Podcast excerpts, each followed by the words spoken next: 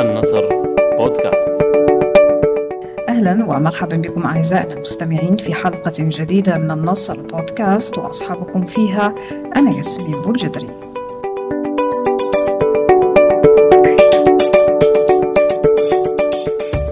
احتفت الجزائر قبل أيام قليلة بذكرى يوم الطالب التي يستذكر فيها الجزائريون الدور البارز للطلبة في ثورة التحرر ضد المستعمر الفرنسي. وغداة الاستقلال لم يكن عدد الطلبة يتعدى 1800 ألف طالب. أما اليوم فقد أصبح عدد المتخرجين كل سنة من الجامعات الجزائرية يقدر ب 250 ألف طالب. فما هي التحديات الجديدة المنتظرة اليوم من الطلبة والعالم من حولنا؟ يشهد تطورات متسارعة وغير مسبوقة على جميع الأصعدة هذا ما يجيبنا عنه ضيفنا الدكتور نسيم حمدي الأستاذ المحاضر بالمدرسة العليا للأساتذة بالآواط والباحث في البصريات والخلايا الشمسية في جامعة ستوكهولم. نرحب بك معنا دكتور نسيم حمدي. في البداية ما هو برأيك مفهوم الطالب الجيد في عصرنا هذا؟ في رأيي الخاص هو الطالب الذي يعتمد بنسبة كبيرة على نفسه في في التكوين. يعني يكون عنده نوع من العصامية لا يكتفي بما يعطى له في الجامعة كدروس نظرية أو تطبيقية وإنما يزيد يعني يتوسع من عنده.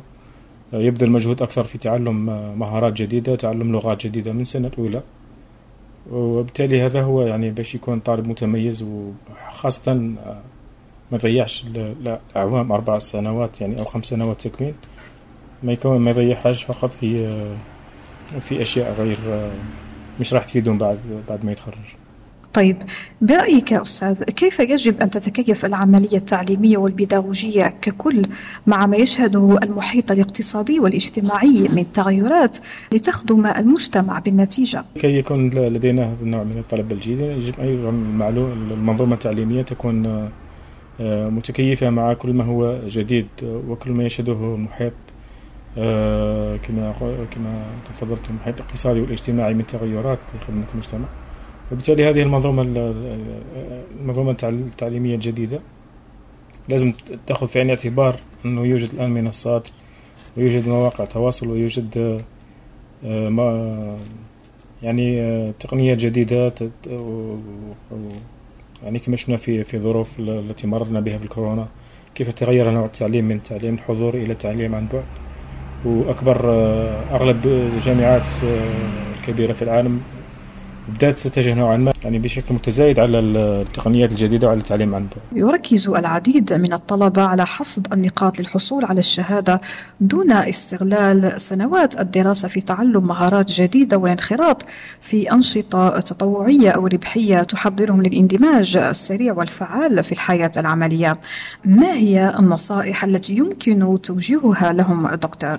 نعم طبيعة الحال هذه المنظومات تسمى المنظومات التعليمية التقليدية تعتمد بشكل كبير على النقاط وعلى مفهوم النجاح يعني يتعلق بشكل كبير على النقطة, النقطة التي نتحصل عليها.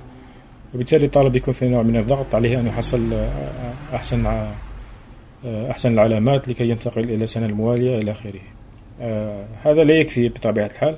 لازم الطالب يتعلم مهارات جديدة. صح هذه مهمة جدا أنك تحصل النقاط صح. ماشي هي الهدف الأساسي أنك تحصل نقاط وتحصل على دبلوم لأنه هذه راح تكون عملية نوعا ما أوتوماتيكية إذا كنت منضبط وعندك نوع من المواظبة. ولكن أنك الحاجة الجديدة اللي لازم تديرها هي أنك تتعلم حوايج يعني أنك تستغل وقت فراغك وتستغل سنوات الجامعة اللي هي أحلى سنوات يعني أربع سنوات أو خمس سنوات. انك تتعلم لغات أجنبية. أنا دائما يعني الطلبه تاعي طلبه سنة أولى خاصة لما أدخل عليهم في أول درس نقول لهم لازم تتعلموا خاصة تعلموا الإنجليزية. أبدأوا من سنة أولى تعلموا الانجليزيه ما تجي تتخرج سنة خامسة تلقى عندك مستوى لا بأس به في اللغات الحية الأجنبية. وبالتالي من بعد أنت تروح تتخصص يمكنك أن تتخصص إذا أردت أن تكمل في إطار البحث العلمي والدراسات العليا ماستر ودكتوراه. وتكمل يعني في في التعليم العالي. والله أيضا إذا انتقلت إلى إلى الجانب إلى الصناعة أو القطاع الصناعي أو القطاع نقول القطاع العملي بصفة عامة. فايضا تلقى عندك يعني نوع من ال skills يعني خاصة كما نقولوا دائما الحاجات المهمة هي التعامل مع الكمبيوتر البرمجة وتعلم بعض البرامج المهمة.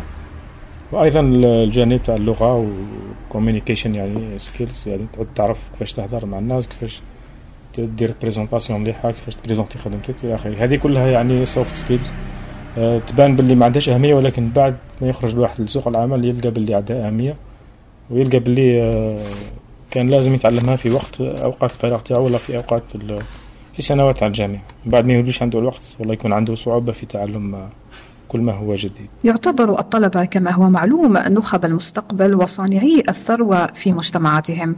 كيف يمكن تحضير هذه النخب وهي لا تزال في الجامعة لتحقق التقدم العلمي والنمو الاقتصادي والرفاه الاجتماعي المنشود بطبيعة الحال الطلبة هم هم الثروة الثروة المستقبلية هم النخبة المستقبلية هم النخبة المستقبلية وإحنا عندنا الحمد لله.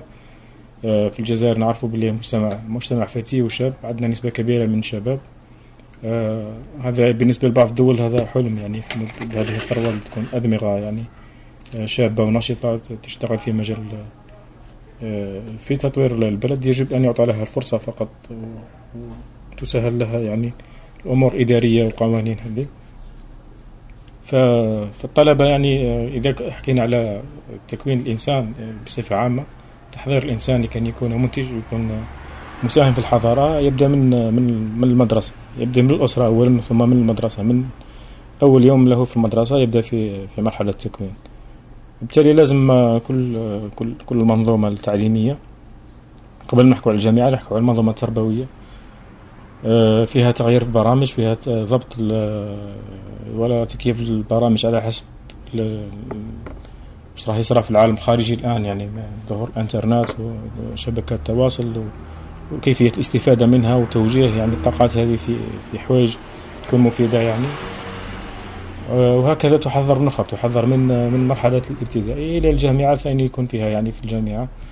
يكون فيه توجيه أيضا للتخصصات ويكون فيه نصائح من الطلبة القدماء ولا من من الناس اللي نجحت يعني ويكونوا قدوة في المجتمع.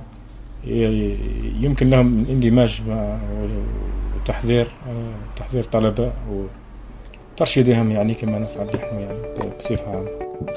نشكرك جزيل الشكر دكتور نسيم حمدي على حضورك معنا. أشكركم جزيل الشكر على استضافتي في بودكاست النصر. والسلام عليكم ورحمة الله وبركاته. وعليكم السلام ورحمة الله وبركاته. نشكركم في الأخير مستمعين على طيب المتابعة. لا تنسوا الاشتراك في حساب النصر بودكاست على Google Podcast ليصلكم جديد حلقاتنا. يمكنكم بالطبع الاستماع إليها في الموقع الإلكتروني لجريدة النصر وعبر تطبيقي Anchor و Spotify. إلى اللقاء.